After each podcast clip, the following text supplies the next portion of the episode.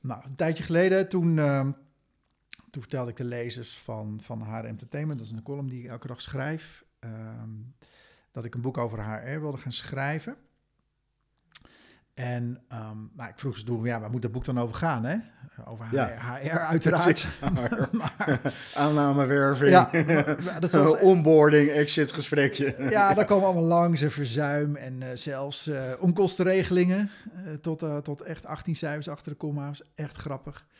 Iemand die de hele onkostenregeling op basis van de nieuwe coronawerkelijkheid wilde, wilde ze een Excel-sheet voor hebben. Ah, als ze de koffie thuis ook mogen declareren. Ja, echt niet ah, normaal. dat- ja. Pleepapier, koffie. Ja. eh, en dan was Pietje werkte twee dagen en Jantje werkte drie dagen. Maar dan toch niet altijd. En hoe moest dat dan? Nou, daarvan heb ik gezegd, dat moet je maar eens misschien slimmer doen. Maar het was wel grappig, heel veel verschillende vragen. Maar er was één ding die kwam echt heel vaak terug. En dat was, ja, HR heeft gewoon geen reet verstand van cijfers. Eh, ik heb echt gewoon vier of vijf mensen die zeiden, nou ja, weet je, wat je ook gaat schrijven... En wat, wat HR ook moet leren, ze moeten met één ding beginnen. Ze moeten namelijk gewoon eens een keer een balans leren lezen. En dat, dat had ik al eens eerder gehoord, tien of vijftien jaar geleden. Ik dacht, nou kak, weet je, dat is nog steeds niet verbeterd. Blijkbaar heeft HR geen verstand van cijfers. Ehm, en nou, ik herken het ook wel een klein beetje, maar, zeg maar deze lezers waren echt nogal, eh, nogal stellig. Eh, dus eh, ja, hij heeft geen pepernoot verstand van cijfers, werd er gezegd. Le- leer, ja, leer eerst maar eens balans leren begrijpen.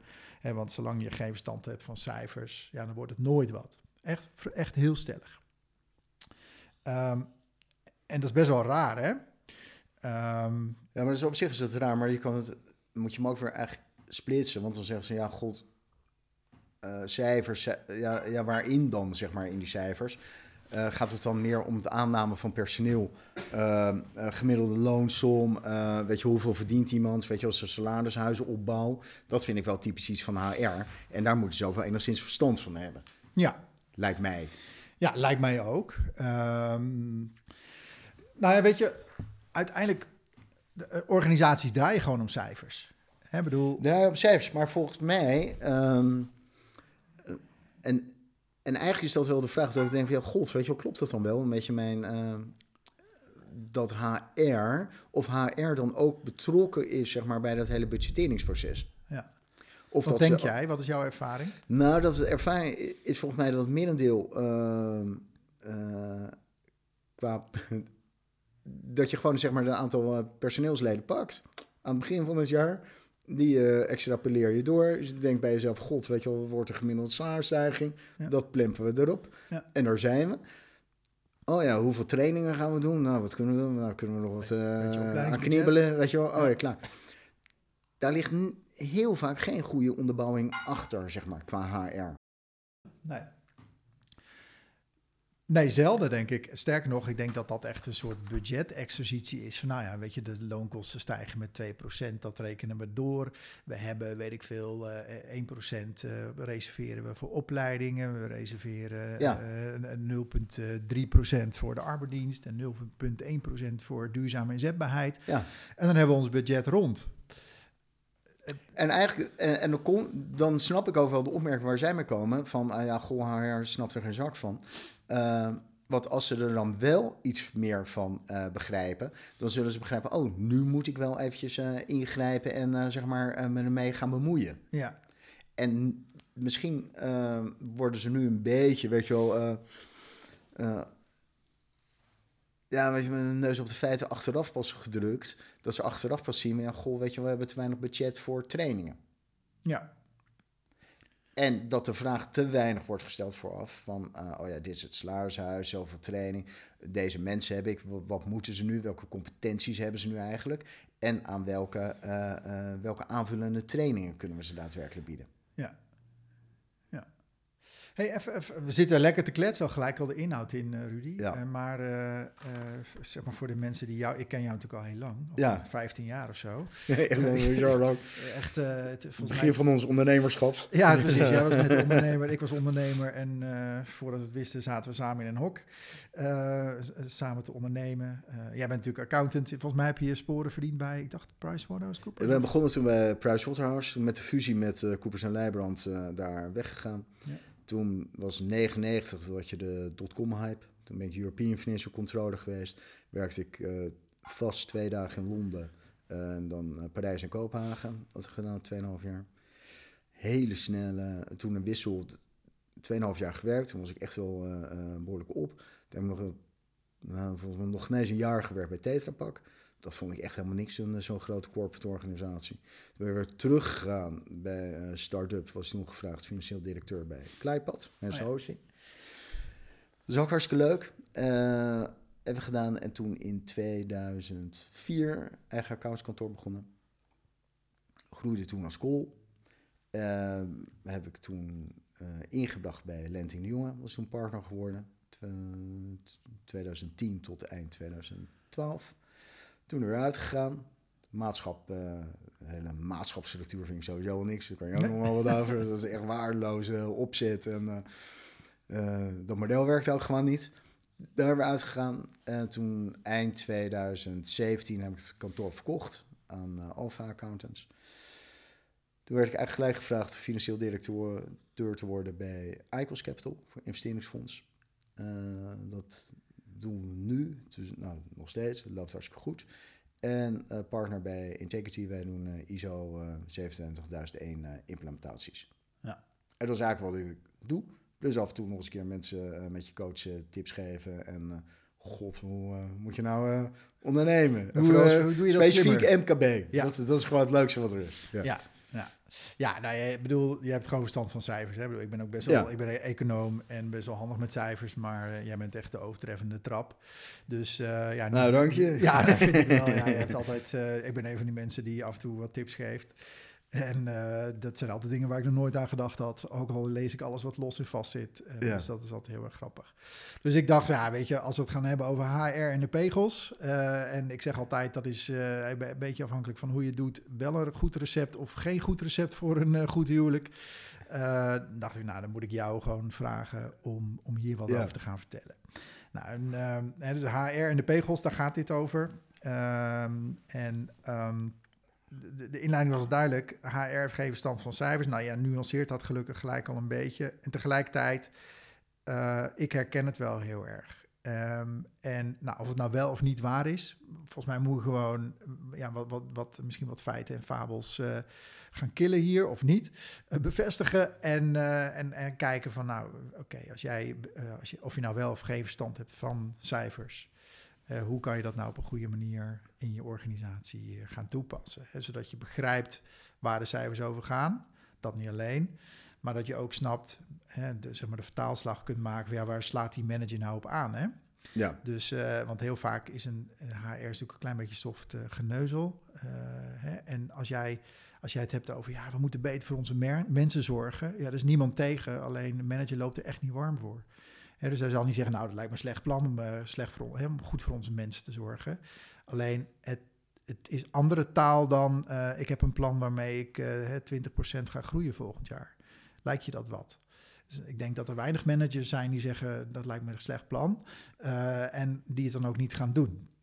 En dus dat is een beetje waar dit over gaat. Dus hoe kunnen we nou, zeg maar, de, de zorgen dat HR-mensen niet alleen begrijpen waar het over gaat, maar ook, zeg maar, dat vertalen in taal waar het management of de directie echt op aan gaat slaan. Nou, en ik hoop dat jij daarop het antwoord hebt, eh, Rudy. Nou, wel, ja. Nou, lastige kunnen we nu stoppen natuurlijk. Ik gelijk stoppen. Ja. Nee, eh, het punt vind ik meer dat je kan zeggen, ja, goh, waar wordt nou zo'n HR-afdeling ook op afgerekend en eh, waar zijn, ze, zijn zij nu eigenlijk daadwerkelijk verantwoordelijk voor? ja. Wat, En waar voelen ze zich eigenlijk ook verantwoordelijk voor? en wat is dat dan? Waar wordt, H- waar wordt HR op afgerekend, in jouw ervaring? Nou, volgens mij is het wel eh, natuurlijk aanname en dat soort zaken. Mhm. Eh, zorgen, eh, personeelstevredenheid wordt vaak natuurlijk getoetst en de Ja. dingen. Dat iedereen zeg maar zijn trainingen, afhankelijk van het type organisatie, als je natuurlijk zeg maar van VCA of iets, weet je wel, noodzakelijke trainingen, dat je, dat, dat in ieder geval goed loopt, weet je wel, Mhm. dat dat keurig onboord wordt. Ehm, dat dat inzichtelijk is, dat je weet van, oh, dit poppetje heeft deze training en die mag dan eh, deze activiteit uitvoeren. Ja. Dat is wel typisch iets van de HR, dat dat eh, lekker loopt. Ehm, zou je verwachten dat ook bepaalde exitgesprekken en dat soort dingen, eh, het hele dat dat ook in het bakje van HR. Hoewel dat vaak nog een soort ondergeschoven kindje is. En daar laten ze ook vaak dingen liggen. Dat ik denk, ja, je moet ook weten waarom mensen deze organisatie verlaten. Ja, juist, lijkt mij. Zeker Ja. in deze tijd. Ja, Maar dat, dat, dat gebeurt ook nog niet. eh, Nee. eh, Nee. Onvoldoende. Maar als je nou zeg maar jouw ervaring hè, als accountant eh, en misschien ook wel bij de investeringsbank. hoe, hoe, een paar vragen. Van, herken jij dat HR weinig verstand heeft van cijfers? Herken je dat? Ja, kijk, ja, zeker. Maar je kan je ook afvragen, volgens mij zijn ze er ook bijna niet bij betrokken. Oké. Weet je wel? Ehm, ze krijgen weinig ehm, informatie, zeg maar, weet je wel, financiële informatie, dat je denkt, oh, daar zijn ze eh, gemiddelde loonsom of iets of dergelijke, weet je wel, dat je denkt, oh, daar kunnen ze invloed op uitoefenen. Terwijl dat wel zou moeten, toch? Ja, dat, dat zou moeten, maar vaak ligt dat dan weer bij de ehm, budgethouder. En die budgethouder is dan weer een afdeling, weet je wel, productie, inkoop of iets, weet je wel. Die heeft dan weer zijn eigen budget en eh, past dan die persoon daarin, weet je wel, met deze loonschaal. Maar dat is best wel raar, toch? Je bent verantwoordelijk voor HR, maar je bent niet verantwoordelijk voor beloning. Nee, maar ze zijn dan wel een soort eh, verantwoordelijk voor het eh salarishuis. Ja. Om te zorgen dat je voldoende mensen zeg maar, eh, naar binnen krijgt. Ja, weet je wel? Dat dat ja. marktconform is. Ze zijn wel verantwoordelijk voor zeg maar, het A, hè, of in ieder geval zorgen dat er voldoende mensen komen. Hè, dus daar hebben ze een redelijk leidende rol in. Ja, Maar ze hebben, dus wat jij zegt, is dat ze eigenlijk niet zoveel invloed hebben op in ieder geval het financiële aspect van het aannamebeleid. nee. En soms heb ik ook nog wel eens het gevoel dat ze denken... oh, we ehm, proberen mensen zeg maar, eh, wel goedkoper aan te nemen, zeg maar. Mhm. Daar het spel in te spelen. Eh, als je natuurlijk een salarishuis en een bepaalde bandbreedte in een salarisschaal... weet je wel, dat ze proberen... oh, nou, probeer even deze persoon eh, iets lager in te schalen of zo. Ja. Met een soort Ja, doel gebeurt van... dat? Gebe- Ja, gebeurt nog steeds. Ja, oké. Ja. Je zou verwachten dat dat nu toch wel een klein beetje voorbij is, hè? Nee, Nee? het verschil tussen man en vrouw is dermate slecht. eh, ja. Ja, zie je Ja, dat? ook? serieus. Ja, Oké. Oh, dat is wel shocking. dat is echt, ja. Ja. Niet bij MKB, maar wel bij grote organisaties. Ja. Oké. Echt dat je denkt, eh, jongens, weet je wat, dat is toch allemaal wel verleden tijd. Is Maar- niet zo. Maar ehm, wa- wat vind jij daar dan van, hè? Als, eh, als zeg maar accountant en, eh, en, en ook vanuit je rol als, als investeerder, zeg maar? Wat, vanuit de Nou, we- als investeerder hebben, kijken we niet zozeer naar eh, eh, of die persoon zeg maar, een gevoel heeft voor cijfers of iets. Nee. Dat niet. Eh, dan kijken we meer zeg maar, naar de opbouw van het team, kwalitatief, of het goed is, weet je wel, en dat soort zaken. Ja. Daar Ja. kijken we wel naar. Maar wat heel- HR, omdat je zegt, ja, weet je ze hebben totaal geen verstand van balansen en dat soort dingen. En dat is natuurlijk zonde, Ja. want waar zij zich veel meer hard voor moeten maken, is natuurlijk zeggen, oh, ik heb dit personeel. En die discussie loopt natuurlijk eigenlijk al jaren. Van ja, weet je wel, wat is nou eigenlijk dat personeelsbestand waard? Weet je Ja. wel zo. En het eh verkapitaliseren zeg maar, van je eh, werknemersbestand Ja. zie je nergens in terug. Nee, En eigenlijk zou je dus moeten. eh, dat is natuurlijk een goed punt waarvoor je zegt: ja, HR, weet je wel, die snapt geen fuck van, van cijfers. Want als ze dat zouden doen en ze zeggen: ja, als HR ben ik verantwoordelijk voor mijn personeelsbestand. dat is wat ik. Dan moeten poppetjes in en zorgen dat er zo min mogelijk uitgaan. En ik moet zorgen dat die productiecapaciteit zo goed mogelijk is, qua ziekteverzuim zo laag mogelijk. Eh, en daar een bepaalde waarde aan koppelen. ja, ja, En dan zeggen ze overal ben ik daar verantwoordelijk voor. ja. En dan heb je eigenlijk, als je dan een soort overal waarde hebt van jouw personeelsbestand. En dan kan je die verder uitsplitsen. Ja, bestaat die dan uit? Nou, zeg nou, eh, klanten, eh, hoe tevreden zijn ze? Werknemerstevredenheid. Wat dan wordt 80 eh, wel. Nou, waar wij investeren, 80% wordt dat gewoon eh, gemeten en gecheckt. En Ja. eh, of dat cijfer dan wat zegt, is dan weer een tweede natuurlijk. Maar, Ja. Ehm, maar het gaat wel om de trainingen. Eh trainingaanbod, sluit dat keurig aan. Ja, weet je wel, hoe, hoe hou je dat personeelsbestand goed? Wat voor wat een ander kwam toen eigenlijk bij Lenting de Jonge en die secretaris die kwam volgens mij bij Mercedes of iets vandaan. En er ging gewoon 5% eruit elk jaar. Oh, die had gewoon een, gewoon een eh, ontslagbeleid van, van Ja, eh, de onderste 5% gaat er gewoon uit. En, en, en wat is de onderste vijf? Wat is dat dan? Nou, die gewoon totaal niet performen. Als jij jaar, jaar uit slechte beoordelingsgesprekken hebt gehad, Ging je ervan eh, uit? Ja.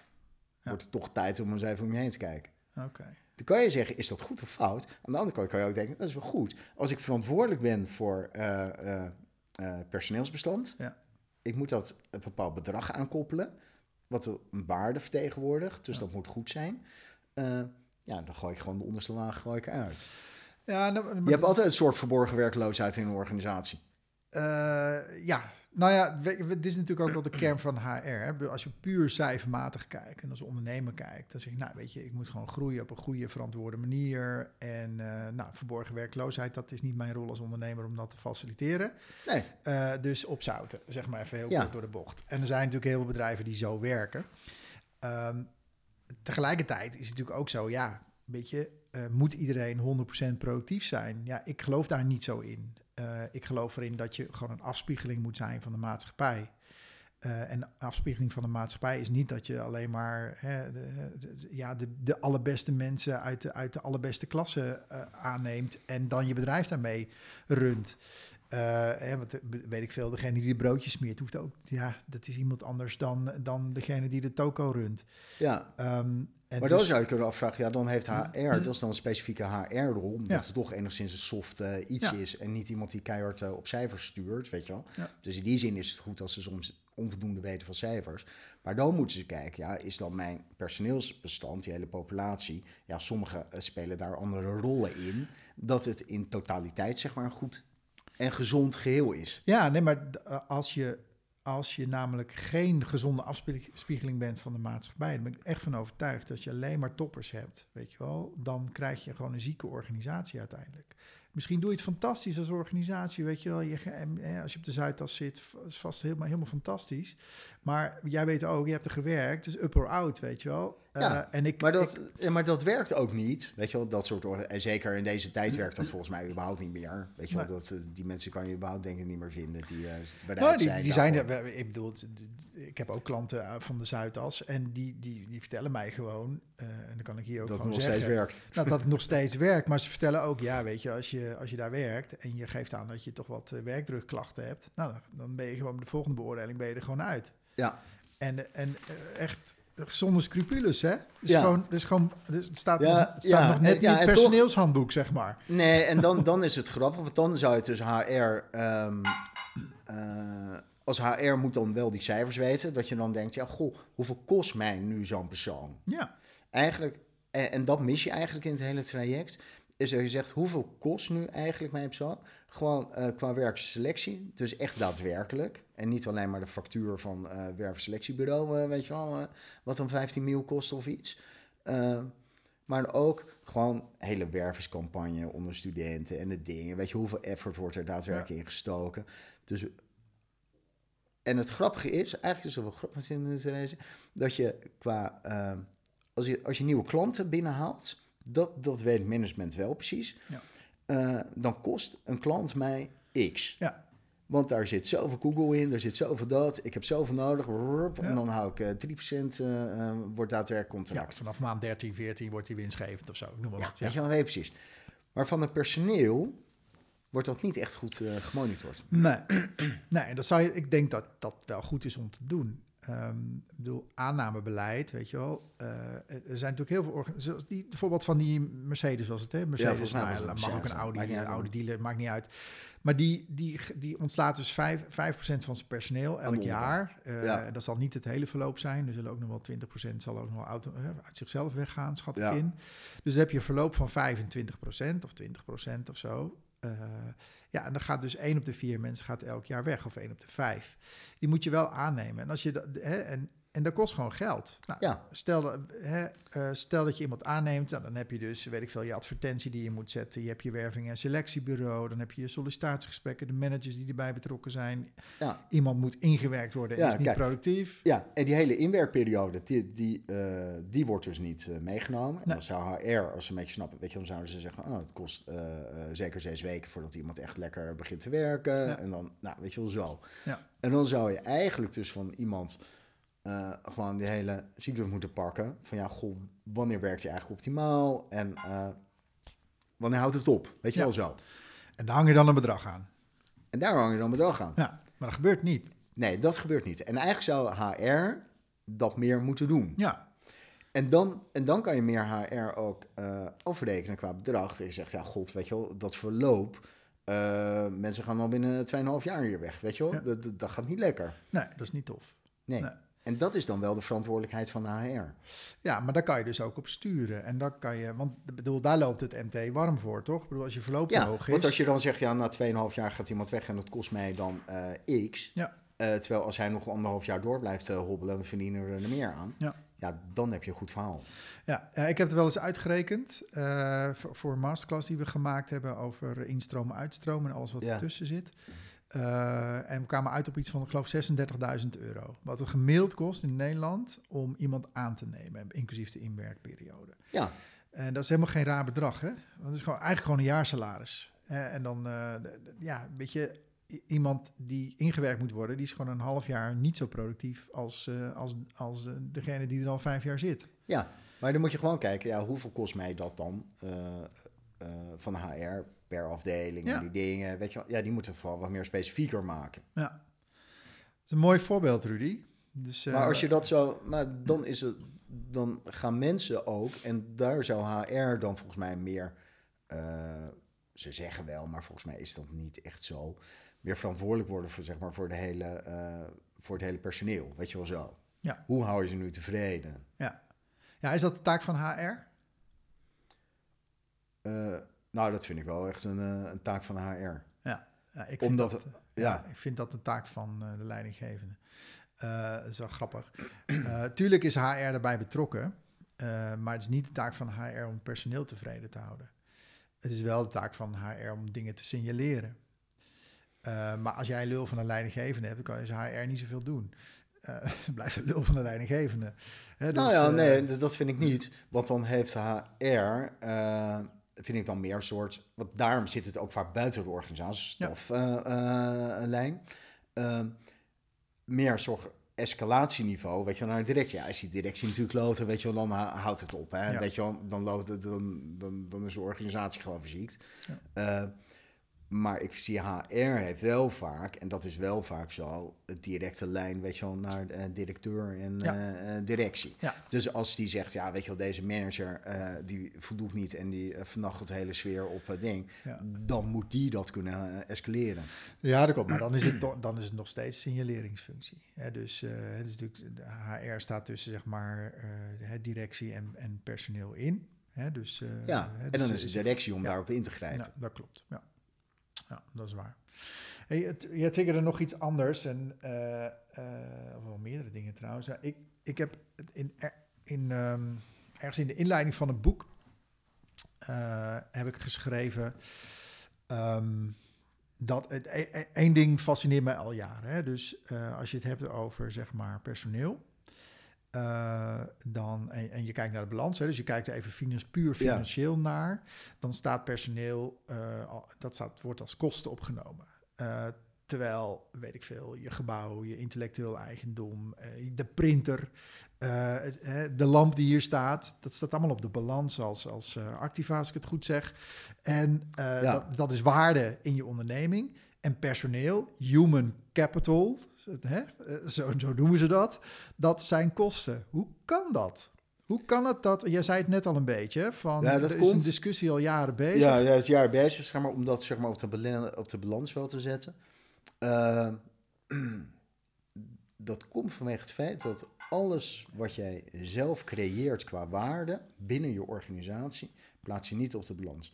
Je plaatst ook geen eh, eh, zeg maar, een goodwill wat je zelf hebt gecreëerd. Naamsbekendheid, merk, weet je wel, dat Ja. soort dingen. Eh, dat zet je ook niet op de balans. Alleen als jij, eh goodwill komt wel op voor als je iets hebt gekocht, een onderneming of iets. En dan zou je kunnen denken, dat is gek. Want Ja. als ik een onderneming koop, dan koop ik ook het personeel en de dingen. En Ja. dat vertegenwoordigt bepaalde waarden. Ja. En dan knikkel ik hem wel op de land. Maar dan is het echt daadwerkelijk cash-out geweest. Ja.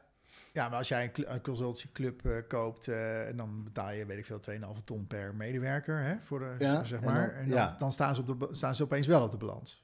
Omdat je het hebt gekocht. Omdat je het hebt gekocht. Ja. Dus dan zijn mensen wel geld waard. Ja, Maar als je ze zelf hebt opgeleid en ze zijn al super productief en ze weet ik veel, ze genereren drie ton per jaar, dan, dan kosten ze 100.000 euro. Ja, maar je zou dan eh, moeten opnemen.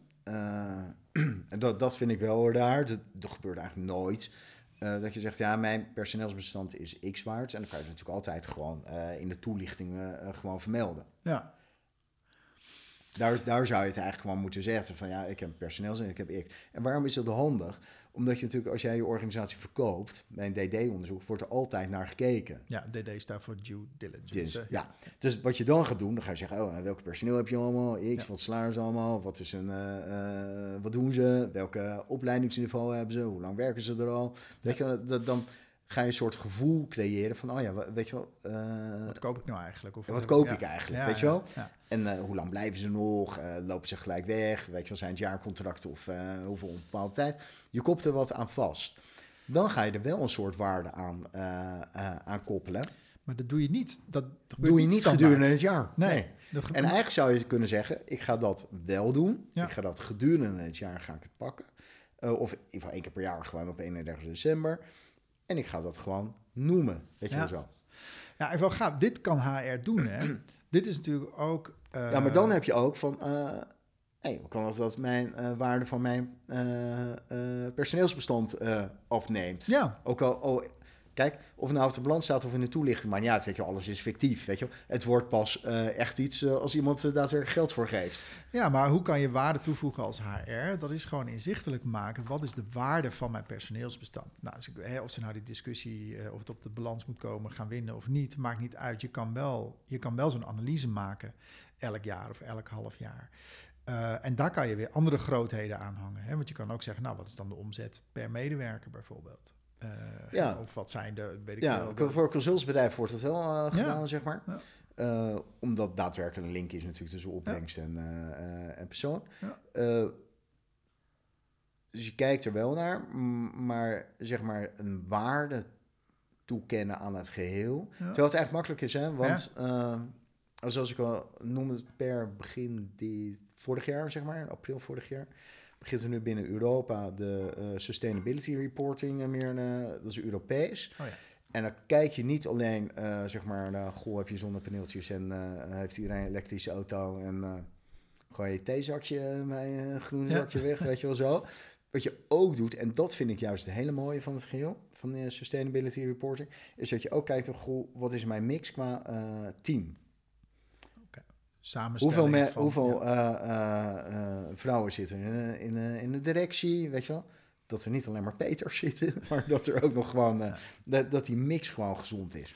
En dan kijk je wel meer daarheen. Ja. En, en dat sustainability reporting wordt steeds belangrijker, omdat eh, pensioenfondsen en investeerders, als jij, het wordt ingedeeld in nou, lichtgroen en donkergroen, en, nou, en de staal eh, dingen, weet je wel, gewoon ja, eh, zwart, stiel is rood, neem ik aan. Dat je denkt, eh, dat, dat kan. Maar als jij een donkergroen fonds bent, Ja. dan kan je ook heel makkelijk investeerders aantrekken. en word je interessanter. En dan kan je ook zeggen, in het kader van eh, de productieketen, iedereen wordt meer eh, eh, bewuster van het geit, dat je zegt, oh, wij zijn echt daadwerkelijk een donkergroen bedrijf, scoren beter, weet je wel, dat. Hey, en zo'n sustainability report, dat, dat is puur eh, iets wat zeg maar eh, investeringsbanken of fondsen gebruiken? Of is dat gewoon iets wat elk bedrijf eh, zou Nou, moeten eigenlijk elk bedrijf die Ja. gaat het zeg maar toepassen, maar het is wel gedragen vanuit investerings. Ja, oké. dus- Achmea is er bijvoorbeeld al heel ver mee. En die zegt gewoon, ja, nee, zoveel procent moet dan geïnvesteerd worden in donkergroene fondsen. Maar die donkergroene fondsen, hoe kom je eraan? Ja. Nou, er wordt elke onderneming wordt daadwerkelijk zo gemeten. Ja, je, kunt, je, je kunt jezelf zo meten, maar je kunt er dus ook wat mee doen. Ehm, En dan En- ga je meer waarde koppelen aan Ja. personeel. Ja, dat is gaaf. Dus dat is eigenlijk een derde ding wat HR zou kunnen doen, is dat je voorsorteert eh, op die sustainability. En dat je gaat kijken naar, eh, en zij gebruiken andere termen, hè, want ze hebben het over diversiteit en zo, maar eh, dat is dan weer HR soft geneuzel. Maar als je het gaat koppelen aan, ja, maar weet je, als wij een groen fonds zijn, zijn we aantrekkelijker om in te investeren. Dat is waar die, die, Ja. die, die MT, eh, hè, die directie... ja, haar- triggers. hey, oh, oh, maar- oh. Ja, dus dan kan je eh, misschien op een andere manier eenvoudig kapitaal Ja. aantrekken, waardoor, wa- waardoor het beter wordt. ja, je kapitaal wordt, wordt En goedkoper. commercieel gezien kan het ook handig zijn. Het is nog niet zo, maar dan zou je wel zien over twee, drie jaar gaat het wel daarheen. Eh, dat je dan zegt, ja, goh, wij zijn deze onderneming. eh, bepaalde klanten die daar daadwerkelijk op, eh, eh, op willen. Ja. Die heb je al, want Rituals is nu, zeg maar, hoe heet dat ook weer? B Corp, B Corp. Dat is ook zo'n milieu-label. Eh, ja, en die zoeken dan echt bedrijven die ook zo gelabeld zijn in die productieketen. Ja, grappig. Dus als jij dan zegt van, nou ja, ik ben eh, eh, groen, eh, donkergroen.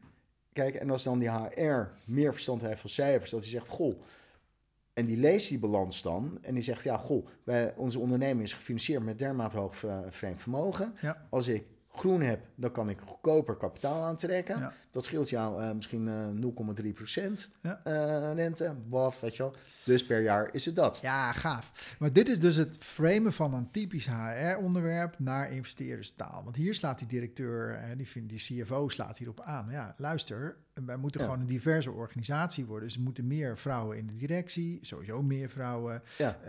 meer va- gevarieerde achtergrond. Nou, zo zijn er vast nog wel wat, wat termen die daarbij horen. En als we dat voor elkaar hebben, kunnen we gewoon goedkoper geld lenen. Nou, Ja, en commercieel kun je het beter uitnutten. ja, en je En- bent aantrekkelijker werkgever. Kijk eens hoe divers we Ja. zijn.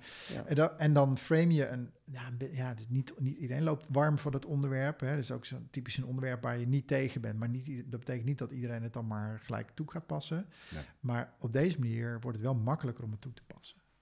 Gaaf, mooi voorbeeld. En, en want behalve zeg maar man, vrouw, eh, afkomst... Wat, wat voor dingen vallen nog meer onder dat sustainability?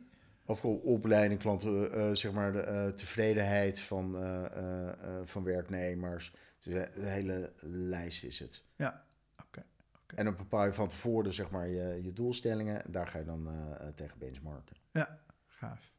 Op prima. Ja, mooi. Ik zal doormailen en dan heb je gelijk het hele Ja, ja, tof. verhaal. Ja, ik, het is eh, Europees uitgerold. Dan, eh, natuurlijk even gezeik natuurlijk binnen Europa. Want we zijn echt helemaal eh, keurige lijstje met allemaal dingen. En sommigen vinden het lijstje dan weer te lang. Oh dus ja. dan moeten er weer dingen af. of... Dus ik... Op dit moment is het zo. Ja. Dat zegt niet dat het over een jaar hetzelfde lijst... Er, er, zal, er zullen volgens mij een aantal puntjes afvallen. Het verandert, ja, precies. Ja, maar dat snap ik wel inderdaad. Hey, nou nog even terug naar die discussie over, ehm, zeg maar, de, eh, we hadden het net over, over de balans. Hè? Dus eh, Ja. per- personeel als, eh, of überhaupt HR ergens op de balans. Dat, nou, daar, daar is een discussie over. Ehm, Nou, het wordt sowieso gezien als kostenpost. Ja. ik bedoel, laten we daarmee beginnen. Dus je kan ook zeggen, ja, het staat alleen maar in je jaarrekening als kostenpost Ja. genoemd. Dus eh, eh, de baten zijn niet echt zichtbaar. Het is Ja. meer een last. ja, ja, en hoe kan je die last zoveel mogelijk beperken? Dat, dat nou, is eigenlijk dat- een beetje de, vraag. Maar dat is het eeuwige gevecht, toch? Ik bedoel, ja, als, je, ja, als, je, als personeel een kostenpost is, ja, dan wordt het een soort speelbal van, eh, van de directie. Nou, waar kunnen we knijpen of zorgen dat we niet te veel uitgeven en de winst maximaliseren? Ja, Toch? Dat is dan wat er gebeurt. dat, ja. Maar wat kan je daar dan aan doen? Of wat zou, kan je er überhaupt wat aan doen? Is het gewoon kansloos? Nou ja, eh, het is kansloos, want je zet het nooit eh, op de balans. Dat, gaat nooit gebeuren. Nee. Eh, Behalve met die extra paragraaf dan. Hè? Dus, Ja, ja. Nou, je kan het alleen maar zien dat je het toelicht, zeg maar. Dat gebeurt nu wel meer, zeg maar. Het komt wel in die maatschappelijk verantwoord ondernemen, jaarrekening, MVO en eh, weet je wel, allemaal dat Ja. soort eh, stukken komt voor. Gaat heel veel over CO2 en dat een, wel een deel over eh, personeel. ja. Dan gaat het vaak meer over aantallen, tevredenheid, weet je wel. Maar er worden nooit bedragen aangekoppeld. Nee. Nee. Oké. Dat, dat is niet zo. Maar dan is meer de vraag, ja, goh, weet je wel, als die vraag dan komt vanuit je lezers en je luisteraars, dat je denkt, ja, weet je wel, HR snapt niks van balans lezen, dan is denk ik meer de vraag dat HR onvoldoende duidelijk maakt binnen de organisatie wat de toegevoegde waarde is van het eh, eh, personeelsbestand. Ja. En dat er van ho hogerhand te veel wordt gezeken en te makkelijk gezegd, oh, moet weer een organisatie komen. Ja, Eh, dat dat meer de onderliggende vraag is. En als HR wat duidelijker, eh, zeg maar, de waarde en de, eh, de balanswaarde van je personeelsbestand eh, zou kunnen duiden, dat het dan wat misschien een makkelijker discussie is. ja. Dat als ze dan een reorganisatie doen, dat ze in feite kapitaal zitten te vernietigen. ja, precies. Ja. Hoeveel miljoen wil je precies door de play spoelen? Ja. ja dat, is dat wel verstandig. Ja. Oké, maar hoe zou je dat dan kunnen duiden, zoals je dat zo mooi zegt? Wat, wat zou je dan anders kunnen doen als HR? Nou, wat, zij daar, wat ze sowieso anders zouden kunnen doen, is natuurlijk dat je zegt, ja, goh, ehm, kijk, als die vraag komt, ja, hoe, hoe, ik wil iets hebben op de balans, weet je wel? Dat HR snapt van, oh ja, als iets op de balans, eh, wat, wat staat het, weet je wel? Ja. Dat in ieder geval aan de activa zijde, niet aan de passiva zijde onder de schuld moet komen te staan qua bedrag, weet je wel? Dat, zit je nog steeds in het verkeerde bakje. Maar dat ze zeggen, ja, weet je wel, onder activa, we waarderen het niet, maar we zouden het eigenlijk wel eh, moeten benoemen. En dat HR dan begrijpt van, ja, goh, hoe werkt het nu eh, om ergens een waarde aan te koppelen? Ja, En dat de waarde, eh, zoals het nu gaat, dat ze zeggen, ja, wat zijn mijn eh, gemiddelde loonkosten? Weet je wel, dat, dat je te veel kijkt naar het kostencomponent. Eh, hoeveel kosten die trainingen mij, weet je wel? ja, het, het zijn allemaal kosten. Onkostenvergoeding, onkosten dit, eh personeels, eh, pensioenkosten, weet Ja. je wel? In plaats van dat je kijkt van, ja, god, wat, wat gaat dit mij nu naar de toekomst toe ja, opleveren? wat levert het jou op, hè? Ja. En je kan ook denken, en dat, dat, dat zou wel mooi zijn, dat ze zeggen van nou, ik investeer nu in deze persoon. Die blijft zo lang eh, zitten. Dus deze productie, eh, weet je wel, gaat hij mij opleveren of Ja. eh, dat. Ja. En dat ze dat bijna contant maken en zeggen, ja, dan is dat mijn waarde. Ja, precies. Dat je gewoon zegt, nou, ik ga, weet ik veel, 50.000 euro investeren in deze persoon. Ja, Eh, en eh, dat- met training X Ja. en eh, weet ik veel wat. Ja. Daardoor gaat hij in plaats van dat, gaat hij meer verdienen. Ja. Nou, en dan maak je het contant. ja, plus... En dan plaats- heb je er een bepaalde waarde aan. En wat HR dus niet, totaal niet snapt, is dat je zegt, ja, wat komen ze met iets, weet je, of, weet je wel, je- ze snappen niet dat je het dan moet, eh, gewoon even moet afpellen naar bepaalde componenten. Dat je zegt, nou, oké, ik heb mijn personeel, personeel zo lang, hij blijft zo lang eh, werken, weet je wel, x bedrag. Training, oh, dat gaat mij zoveel opleveren. Als je het allemaal in, in blokjes knipt, Ja, eh, en aan die blokjes bepaalde waarden hangt en dat bij elkaar optelt, dan kom je op een soort meer realistische waarde. Ja, lijkt me ook. Nou ja, weet je wat sowieso wa- wat heel mooi is en wat je zegt, is dat je, eh, je kijkt niet alleen maar naar de kosten of de investering. eh, of nee, je vertaalt eigenlijk de kosten als een investering. Zo, dat, dat is volgens mij wat je zegt. Eh, en investering levert iets op. Hè, dus als je zeg maar Ja. klassiek HR is, wat is het budget voor dit jaar? En de, nou, weet ik veel, er komt 3% loonsverhoging en we doen nog een procentje training en we doen, nou, hè, dat zijn dan de kosten. Maar wat jij eigenlijk zegt, is nee, maak er een investeringsvoorstel van. Eh, en die investering gaat iets opleveren. Namelijk, weet ik veel, 10% meer productiviteit of 5% meer omzet. Of, Ja. eh, En misschien wat weet je wel dat je zegt, oh normaal, uh, markt doet eh 3% eh, loonsverhoging. Als ik nou eens 4% doe. Ja, wat, Oh ja, als ik 4 doe, nou heb ik minder verloop.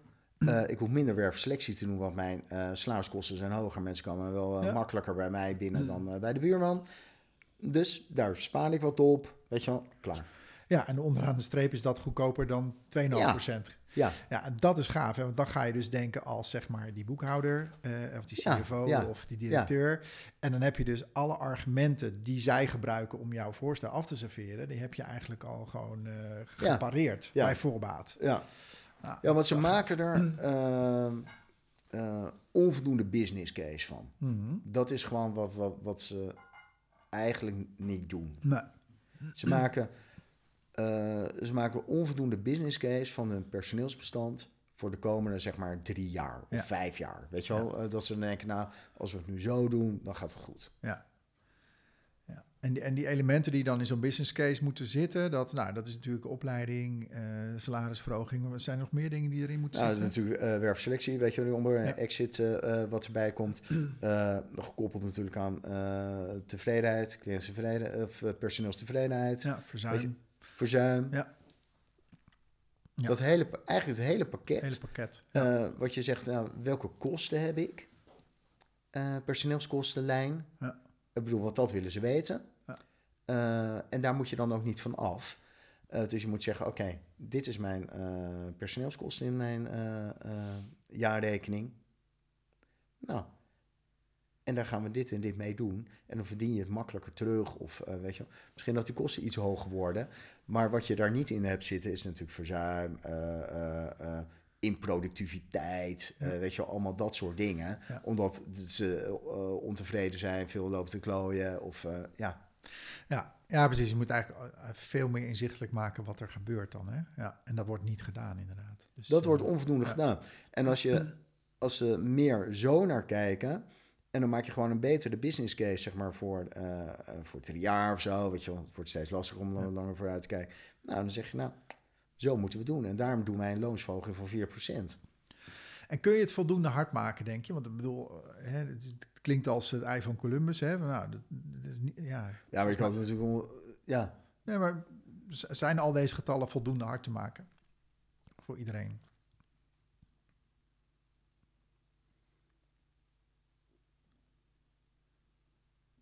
Ja, ik denk het wel. Ja? Want al die informatie is aanwezig. Het is niet zo dat ik totaal andere eh, dingen ga zitten toevoegen. Nee, ik denk het ook hoor. Eh, ik bedoel, je- de kosten van, van een verzuimdag kun je inzichtelijk maken. De kosten van opleiding, de kosten Ja. van extra productiviteit is een inschatting natuurlijk. Hè? Dus wat levert het Ja. dan? Hè? Maar weet ik veel, werving, Maar dan ga je ook-. Eh, Ja. Maar dan, dan moet HR zich wel wat meer in gaan spannen over van, ja, hoe gaan we dat dan terugdringen? Ja. Weet je wel? ja. ja, ja, precies. Hoe ga ik dat verzuim terugdringen? Hoe zorg ik dat die trainingen ook beter lopen? Weet je wel? En dat eh, eh, en niet dat Pietje alleen aan zijn certificaatje binnen heeft, maar dat hij dat ook gaat waarmaken en Ja, oplevert. dat hij weet je echt wat mee gaat doen ook. Ja. Behalve van, nou, ik heb mijn PE-punten weer binnen en dank. Ja, dan Ja. Vink, weet je wel, eh, we gaan weer rennen en we doen vooral weer hetzelfde wat we daarvoor hebben wat we gedaan. daarvoor deden, dat hij er echt iets mee gaat doen. Ja, ja, maar goed, dat is een ander onderwerp. Maar dat, dat klopt, dat is natuurlijk ook echt HR. Dat, hè, bedoel, even los van de financiële Ja. triggers en dat soort dingen. Ja, daarna is het jouw verantwoordelijkheid om te zorgen dat het ook daadwerkelijk gebeurt natuurlijk. Hè, dus dat mensen lekker in hun vel zitten en daar ook Ja. iets mee gaan doen. Ja. ja, ja, dus eh En dat ze ook veel beter worden ingepland, weet je op basis van capaciteit, weet je wel. Ja, Hey, en ehm, nou toch nog heel even over die balans. Hè? Ik bedoel, eh, eh, ik begon met de stelling, nou, ehm, ze kunnen geen balans lezen. Eh, maar stel dat je nou, eh, stel dat dat zo is eh, en je bent HR, wat moet je minimaal snappen van zo'n balans? Nou ja, weet je, dat, dat is echt een voorwaarde om te begrijpen.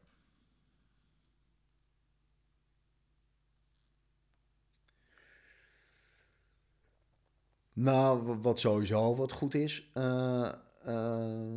Eh, dat is een beetje negatief natuurlijk, weet je wel. Als je denkt, oh, er moet weer een reorganisatie komen, weet je wel, dat soort dingen. ja. Dat, dan denk ik, dan moet HR wel kunnen nadenken. Is dat eigenlijk wel nodig? En Ja. waarom gaan we dit eigenlijk doen? Weet je wel zo. Ja. Eh, En kun je het afleiden, afleiden uit de balans? en dan? moet je, nou, dat kun je zeker afleiden uit de balans. Dat je denkt, ja, goh, weet je wel, hoe, hoe gezond is de onderneming? Ja, we noemden in het vorige gesprek, eh, hadden we het al over eh, onze corporate eh, ervaringen. Dus waarbij we zeiden van, ja, bij welke reorganisatie werk jij? Ja, weet je wel, dat, dat soort dingen. En dat vind ik wel een rol van de HR, dat hij daar gewoon kritisch naar kijkt van, ja, goh, weet je wel, is het allemaal nodig of iets? Ja. ja. ja. Maar waar, waar, waar kunnen ze dat dan uit afleiden? Nou, het meest makkelijk natuurlijk, weet je wel, cashpositie is een voldoende cash. Mhm. Dan heb je natuurlijk, het- het is wel sec ehm eh bedrijfstak afhankelijk, hè, weet Ja. je wel. Eh, dus je moet in ieder geval even benchmarken ten opzichte van eh, concurrenten, of dat goed is. Ja. Nou, dan heb je natuurlijk je solvabiliteit, dus je verhouding, zeg maar, eigen vermogen, vreemd vermogen. Ja. Eh, hoe dat is en of dat normaal is. Ja.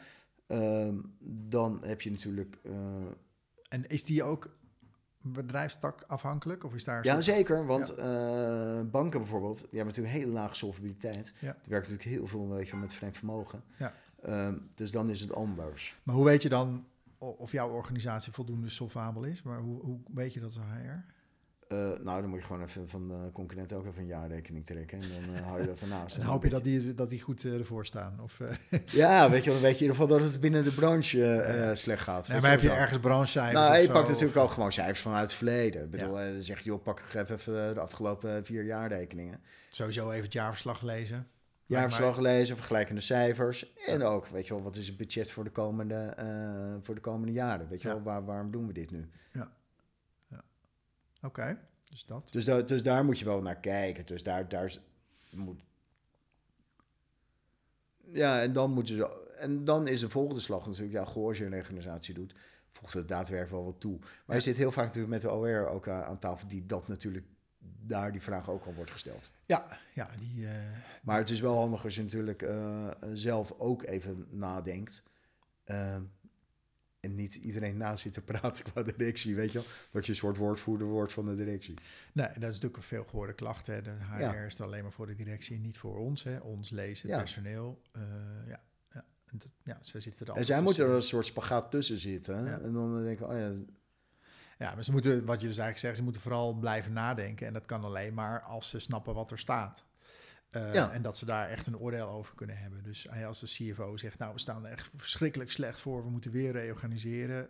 eh, dat je dan gewoon zegt, nou, eh, sorry, maar ik snap het niet helemaal. Want onze winstmarge was dit jaar 60%, Ja. en vorig jaar was die 50%. Ja, kijk, en als er niet goed dan. Ja, en als er eh, eigen vermogen, weet je, en er worden heel veel dividenden uitgekeerd, weet je dat ze dat ook kunnen zien in die, ja, in die balans, weet je dat ze opmerken, hé, weet je wel, personeel wordt alles beknibbeld, maar er wordt wel eh, elk jaar 40% eh, van het resultaat als dividend uitgekeerd, weet je wel. Ja. Gaat het dan wel goed, weet Ja, wel, wat... ik, eh, zie, ik lees hier dat de bonus met 100% is gestegen. Wat gaat er precies mis dan? Ja, dan moeten zo, ja. Ja. ja, dat zijn natuurlijk geen leuke vragen om te stellen, maar die zouden wel gesteld moeten worden. zou je wel moeten stellen. Ja, Ja. ja. ja. En als die dan niet gesteld wordt, dan moet je als HR vragen, ja, waarom is die cultuur dermate verziekt dat ik ook die vraag niet mag stellen? Ja, of dat je daarop afgerekend wordt. Nou, dit, dat gebeurt natuurlijk. En dan is het even de vraag van... eh, eh, wat doe je daarmee? Hè? Accepteer je dat? Of, eh, maar goed, dat, Ja. is, dat is een andere, Dat is wel een ander. ander hoofdstuk. Maar het is natuurlijk wel wat het is. En je mag natuurlijk als HR, als stafafdeling... ben je echt een adviseur ook van de directie. Ja. En mag je, moet je... mag je zelf invullen of dat mag of moet is... maar dit soort vragen Ja. stellen. Ja, Maar ik denk zeker dat eh, in de discussie van eh, of er voldoende budgetruimte en dat Ja. soort dingen is, dat het handig is als ze dan wel, eh, weet je, de jaarrekening kunnen lezen. Ja. Dat ze dan zelf kunnen horen, nou, weet je, zo slecht staat die onderneming er ook niet voor. Of, Nee. of misschien gaat het hartstikke goed hoor, weet je wel, dat. Wat was het toen? Ook bij zo'n groot accountskantoor. Stond toen ook in het FD-artikel. Toen dachten nou, waar gaat het eigenlijk over? Ja, nee, nu konden we weer wat meer ruimte voor trainingen doen, want er was weer voldoende winst voor de partner. oh ja. denk ik, huh? Oh, ja. volgens mij gaat hier wat fout, weet Ja, je wel? Ik heb dat Dus- artikel ook gelezen, geloof ik, ja. Ja, weet je wel? Dan dacht ik, oh, dit is zo, zo indicatief voor de organisatie. Eh, de partner heeft weer eh, voldoende tonnen, dus eh, oh ja, nee, we kunnen Ja. wel eh, per personeelslid weer 10.000 euro training geven. Ja, precies. Ik denk, Dat- volgens mij gaat die, moet je eerst wat aan die training geven en dan komt die beloning van die partner automatisch wel. Ja, maar dat gaat natuurlijk niet altijd zo. Eh, hè, dus de- Maar, maar dat is meer, weet je wel, dat zou ik zeggen, ja, als ze nou gewoon een balans kunnen lezen als HR, dat HR zegt, ja, goh, eh, weet je, dat is allemaal leuk aardig, maar eh, weet je wel, voldoende, dus voldoende ruimte, weet je Ja, wel? Eh, ja. ja, en ook wat is belangrijker. Hè? Dus, eh, maar, g- ja, weet je, dat, bij zo'n hè, bij zo'n accountskantoor, maar ook bij wat kleinere organisaties, ehm, daar, eh, daar bepaalt de directeur of de directie natuurlijk wel wat er uiteindelijk gebeurt. En als, als zeg maar hun eigen bonus prevaleert, dan heb je, ja, dan heb je daar natuurlijk niet zoveel eh, over te melden. ja. Eh, hè, ik, ik als ondernemer zou denken, nou ja, als ik investeer in mijn personeel, dan levert mij dat uiteindelijk meer op. Misschien niet gelijk dit jaar, maar wel zeker dat jaar Ja, kijk, en als dan HR een leuke business case heeft gebouwd voor de Ja. komende jaar, dat je zegt, nou, er zit wel wat in, prima, doen we. Ja, dat lijkt mij ook inderdaad dat het zo werkt. Dus, eh, oké. Mooi. Nou, dat ten aanzien van de balans. Leer de balans lezen, dat, eh, daar sta je gewoon achter. En eh, Voor iedereen goed, hè? voor iedereen goed, hè? Ja, ja, het blijft ook moeilijk. Niet alleen. HR. El- elk jaar weer vind ik het moeilijk. Dus ja, wat staat er nou precies? Ehm, eens even kijken hoor. Ik had dan wat vraagjes zo links en rechts. Ehm, ja, ik ben nog wel even benieuwd. Ehm, deels heb je daar wel antwoord op gegeven, maar zijn er nou kengetallen, eh, zeg maar financiële kengetallen, eh, die je als HR echt zou moeten kennen? Noemde net al dingen als solvabiliteit en eh, dat soort dingen. Solvabiliteit, liquiditeitsprognose, weten, zeg maar, vanuit de balans, omdat het echt specifiek balans is, eh, werkkapitaal. Weet je, hoeveel werkkapitaal heb je nou binnen je organisatie? Ja. Dus heb je positief, negatief werkkapitaal, van hoe, hoe sta je ervoor? Eh, eh, hoe wordt eh, geld onttrokken uit de onderneming? En niet alleen bonussen, maar wel dividend of uitlenen van, van gelden. Het uitlenen van geld binnen de groep, weet je wel, naar andere dochterondernemingen. Oh, ja. Weet je, wel, allemaal dat soort constructies. Ja. Dat ze denken, oh ja, als jij SEC afhankelijk bent, eh, en waarom is dat handig? Als jij natuurlijk binnen een groep, jij bent alleen maar voor één tak eh, HR de verantwoordelijke, eh, ja, dat je dan denkt, oh ja, weet je wel, ik zit, eh, ik zit in eh, groep A, eh, daar ben ik verantwoordelijk voor, maar eigenlijk zit ik indirect groep B ook eh, te financieren. Ja. En groep B krijgt wel bonussen, weet je wel, en dat soort dingen. Dat je een beetje gevoel hebt hoe die kaststromen lopen binnen zo'n groep. Ja. En dat maakt de discussie als HR natuurlijk wel handig. Ja. ja, dat je begrijpt waar precies het geld heen vloeit. En ja, waar het geld heen Ja, vloeit, weet ja, je wel? ja. Ehm, ik denk dat dat handig is, ja. Ja, ja, dat kan me voorstellen. Ja. Ja, uiteindelijk gaat het dus om gewoon je verdiepen in wat er gebeurt. Hè? Ehm, hè, dus je, je verdiep, eh, nou, begrijp gewoon die balans. eh, kijk Ja. naar vergelijkbare organisaties en hoe doen die dat dan? Ja, Leer de belangrijkste kengetallen, hè, solvabiliteit, rentabiliteit, liquiditeit. eh, nou, Ja. dat soort, dat soort Ja. dingen. Lees er gewoon even wat, wat het nou precies is. maar ook Eh, hoe die kaststroom ja, loopt. en kijk hoe het gaat en hoe de verbanden zijn. Want ja, eh, jaarcijfers, ik heb wel eens een jaar, jaarcijfers gezien van een, zeg maar, een 500 miljoen bedrijf. Ja, Eh 500 miljoen euro bedrijf eh, met, weet ik veel, eh 40 dochterondernemingen of zo. Nou ja, dat is onnavolgbaar. Eh, want de, echte, de echte balans zit ergens daar eh, zes lagen ja diep. weet je wel, ja, Ja. Dat, dat je het een beetje... Ja. Je hoeft niet allemaal heel precies te weten, weet je wel. Dat, eh, maar gewoon een hoofdlijnen, Ja. weet je wel. Dat je een beetje met een soort helikopterview naar kan kijken binnen, je, binnen, je, binnen de groep, weet je wel. En dat je er vragen over durft te stellen. Ook al zijn ze heel dom, dat je ze gewoon wel stelt. Ja, Eh, want maak het ze maar en dat het lastig. je ook opvalt, hè? Want Ja. als HR zijnde, dat, eh, dan, eh, dat jij moet zeggen binnen jouw groep... eh, ja, nee, dit jaar geen geld voor bonussen. En in mei hoor je in één keer... De, oh, dat bij bedrijfstak eh, B zijn wel allemaal bonussen uitgekeerd, Ja. weet je? Ja. Ja, dat- dan sta je voor lul Ja, natuurlijk. we maken verlies en, en ondertussen wordt een bonus uitgekeerd. Dat valt ook niet uit te leggen. Nee, Nou, dat dus dat ik. soort dingen moet je wel... binnen grote organisaties scherp op zijn. Ja, ja, nou binnen kleine organisaties ook.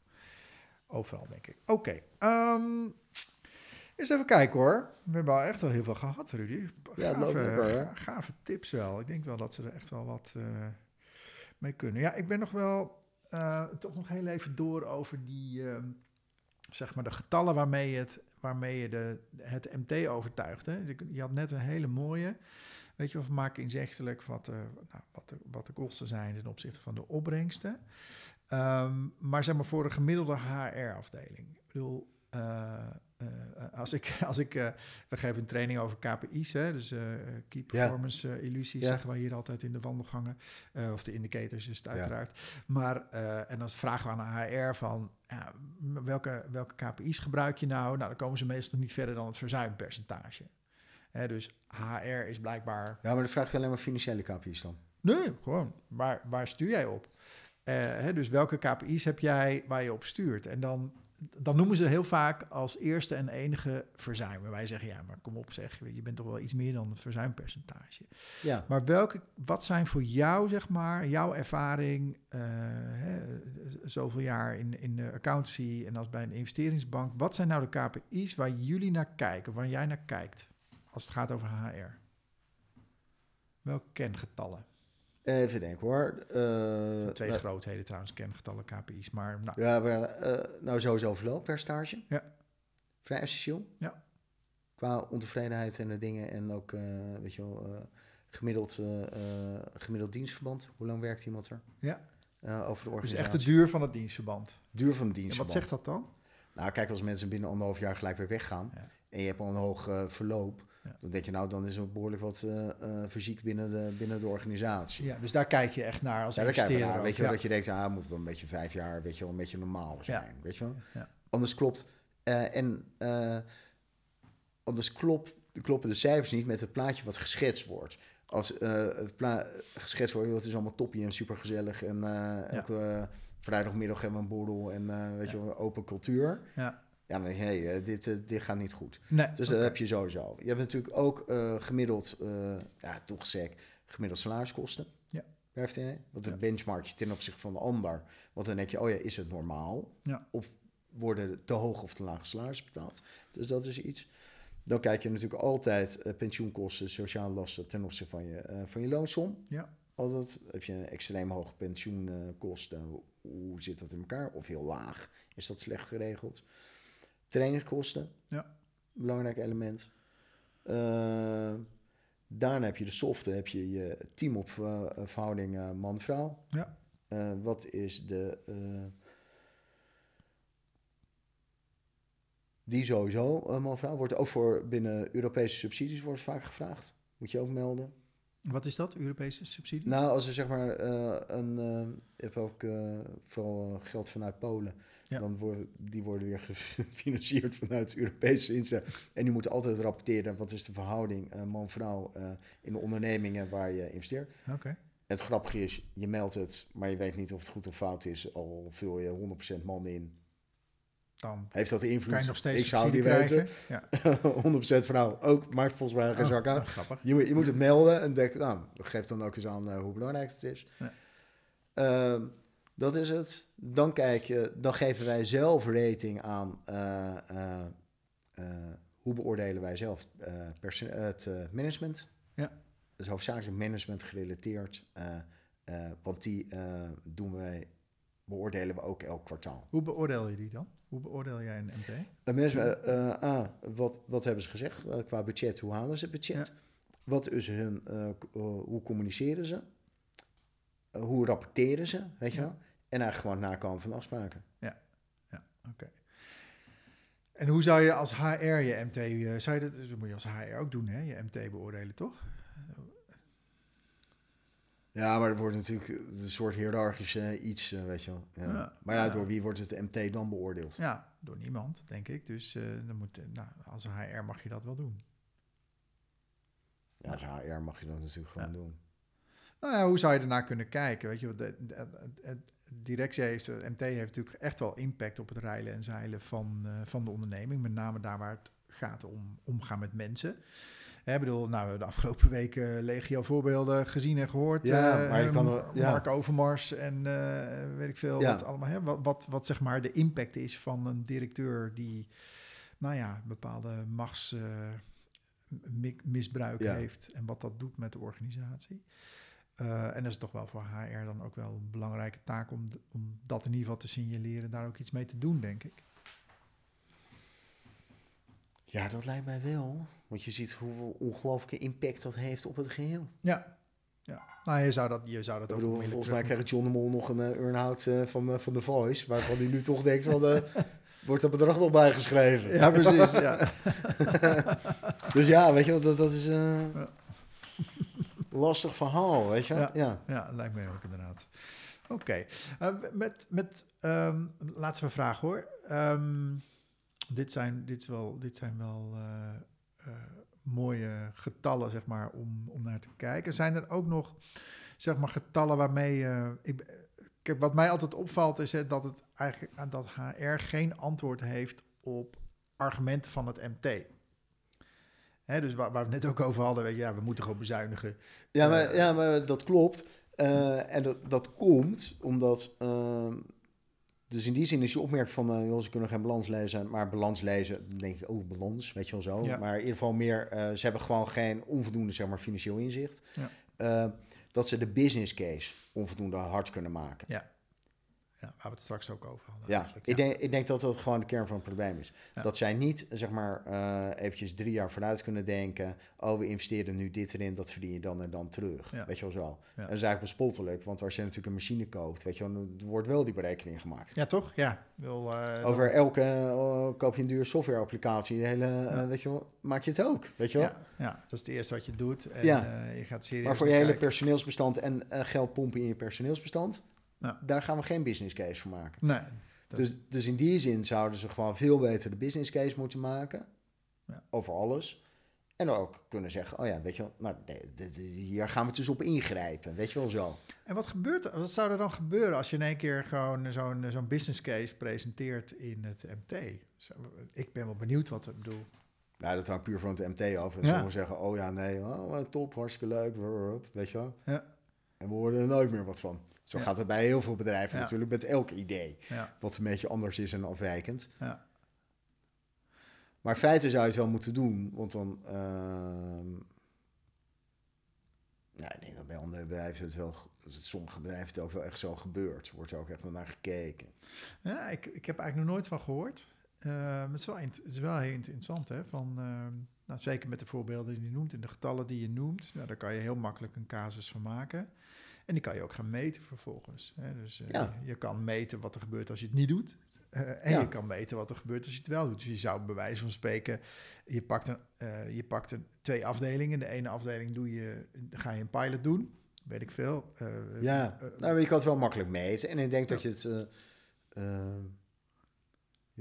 ja, kijk, als we het op zo'n manier zullen aanvliegen, dan, dan, dan is het denk ik wel duidelijk, weet je Ja? Ja. volgens mij. En dan, wordt er, en dan heb je niet de standaard dingen zoals eh, ja, overhead, weet je wel, oh, eh, direct, indirect personeel. Ja, eh, Ja, dat de bedoel vier burners, de vier urners, weet je, we krijgen allemaal, weet je, die standaard eh Standaard teksten. dingen, ja, zeker in een non-profit hebben ze daar natuurlijk een handje van. En, nou, maar ik kan me voorstellen, weet je, dat als je in één keer een business case gaat presenteren, dat, dat, dat, dat, nou even los van de weerstand, dat ze het ook, eh, ook zoiets hebben, nou eerst zien dan geloven. En dat, dat je als je het gewoon klein uitrolt met een pilot, hè, weet ik veel, je hebt, je hebt 100 man en je voor 20 man ga je dit uitrollen en op basis van de resultaten gaan we het dan uitrollen naar de rest van de organisatie dan zul je makkelijker een go krijgen dan dat je zegt, nou, dit, ik, heb het, ik heb het even doorgerekend en eh, eh, hè, zullen, we even, zullen we morgen beginnen? Want dan, ja, dan, dan moet je, ik denk dat dat lastiger is. Dus dat zou ook nog een manier kunnen zijn hè, om het klein te beginnen eh, met zo'n business Ja. case. En, en gewoon, nou, ik ga het gewoon aantonen dat dit werkt. Hè, en ik stel voor dat we, weet ik veel, 30.000 euro budget gaan reserveren voor deze pilot. Ehm, Ja, maar de HR kijkt, je zou ook kunnen zeggen, HR er dan meer, eh, als, als je er anders naar kijkt, een business case en meer sparringspartner, weet je wel, allemaal van die teksten die ze dan willen zijn. Ja, dan kan je ook zeggen, ja, eh, kijk dan ook meer naar de organisatiestructuur. Ja. Werkt dit wel qua aansturen? Eh, ja, ja, dan moet je hem nog breder pakken eigenlijk. kan hem ook nog breder pakken. Ja, snap ik inderdaad. Oké, nou, nice. Ehm, ja, laatste. Ik. ehm, de- de- dat, dat noem ik altijd de tegenargumenten. Eh, hè, dus het maakt niet uit wat ik voorstel. Er is altijd iemand die zegt dat zijn plannetje belangrijker is. Hè, of dat het toch niet gaat werken. Dus ja, De, de beroemde tegenargumenten. Welke tegenargumenten kan je als HR nou gebruiken om jouw plannen doorheen te krijgen? Om er doorheen te krijgen. Ja, gewoon De- in de zin, niet als iemand zegt, ja, is veel te duur, past niet, planning, jaarkalender, lijkt me een goed plan, maar we moeten het eh, op Europees niveau uitrollen. Nou ja, zeg maar alle trucs die managers gebruiken om eh, eigenlijk te zeggen, dit gaan we niet doen. Eh, hè, dus wa- wat kan je nou doen om het vervolgens toch te laten lukken?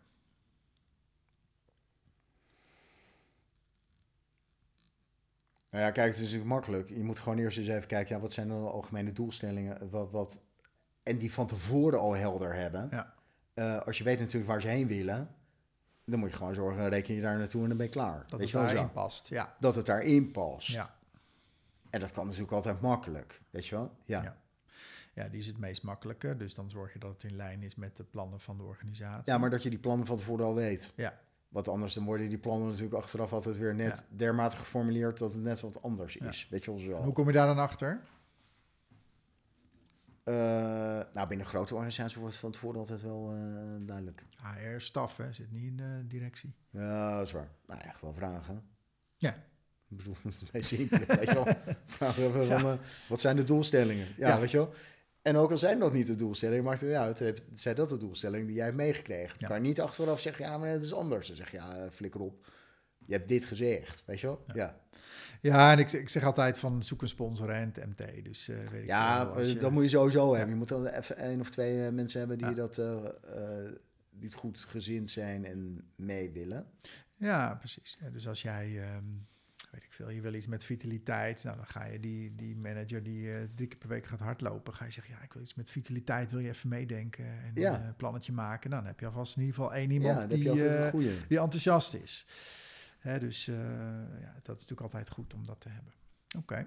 Maar er werkt met elk voorstel natuurlijk. Hè. Je moet altijd eh, van de tien moet je even drie mensen achter je hebben. Nee, eh, volgens mij wordt het En wat, meestal van altijd, wat ik altijd besloten. doe, ook, ook met eh, rapporten, maakt niet uit welk rapport.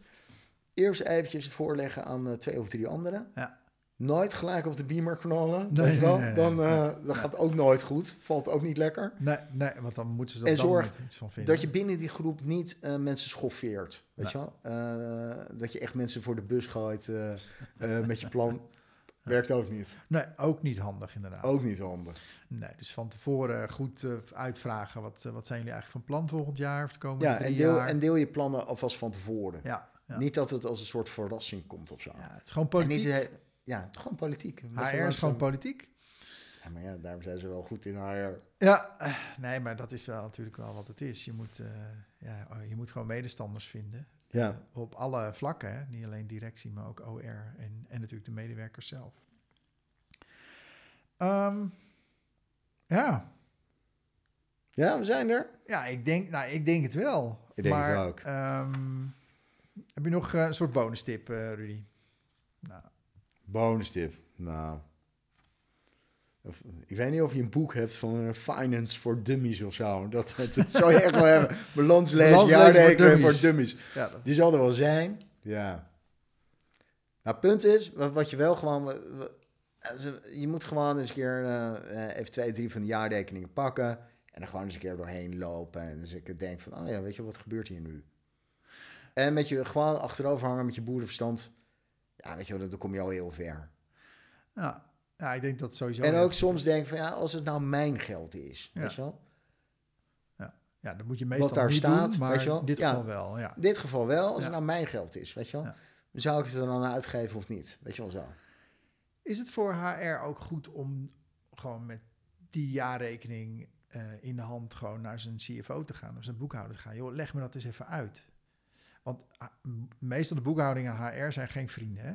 Dat, eh, dat, dat, die praten niet echt met elkaar of zo. Dat, Ja, ja, je kan het vragen, maar dan krijg je toch weer een beetje een wollig verhaal of iets. Weet je wel, dan wordt het... eh, ja, ja, kan die persoon het uitleggen? Dat weet kan ik niet, hè? ja dat, Dat, kan eh, hij het wel uitleggen, maar dan krijg je toch weer die antwoorden die... eh, Ja. De meest wenselijke antwoorden krijg je dan. Ja, Ehm, dus het is meer handig als je gewoon zelf ernaar kijkt of iets. Ja. Of eens een keer met iemand anders klankbord, weet je wel. Ja, ja, oké. Nou, ik vind het wel een hele goeie. Pak gewoon drie jaarrekeningen en ga kijken of je het begrijpt. ja weet je wel, gewoon er rustig achterover hangen. Denk je, snap je, wat gebeurt hier nou? Ja, wat, wat zie je precies? Gaaf. Hey, leuk. Dankjewel Rudy voor, eh, Ja? voor ja, super. En eh, volgens mij een paar hele mooie tips gekregen, dus die gaan we, die Ja, gaan we lekker uitwerken. En eh, dank. Geen dank. Graag gedaan.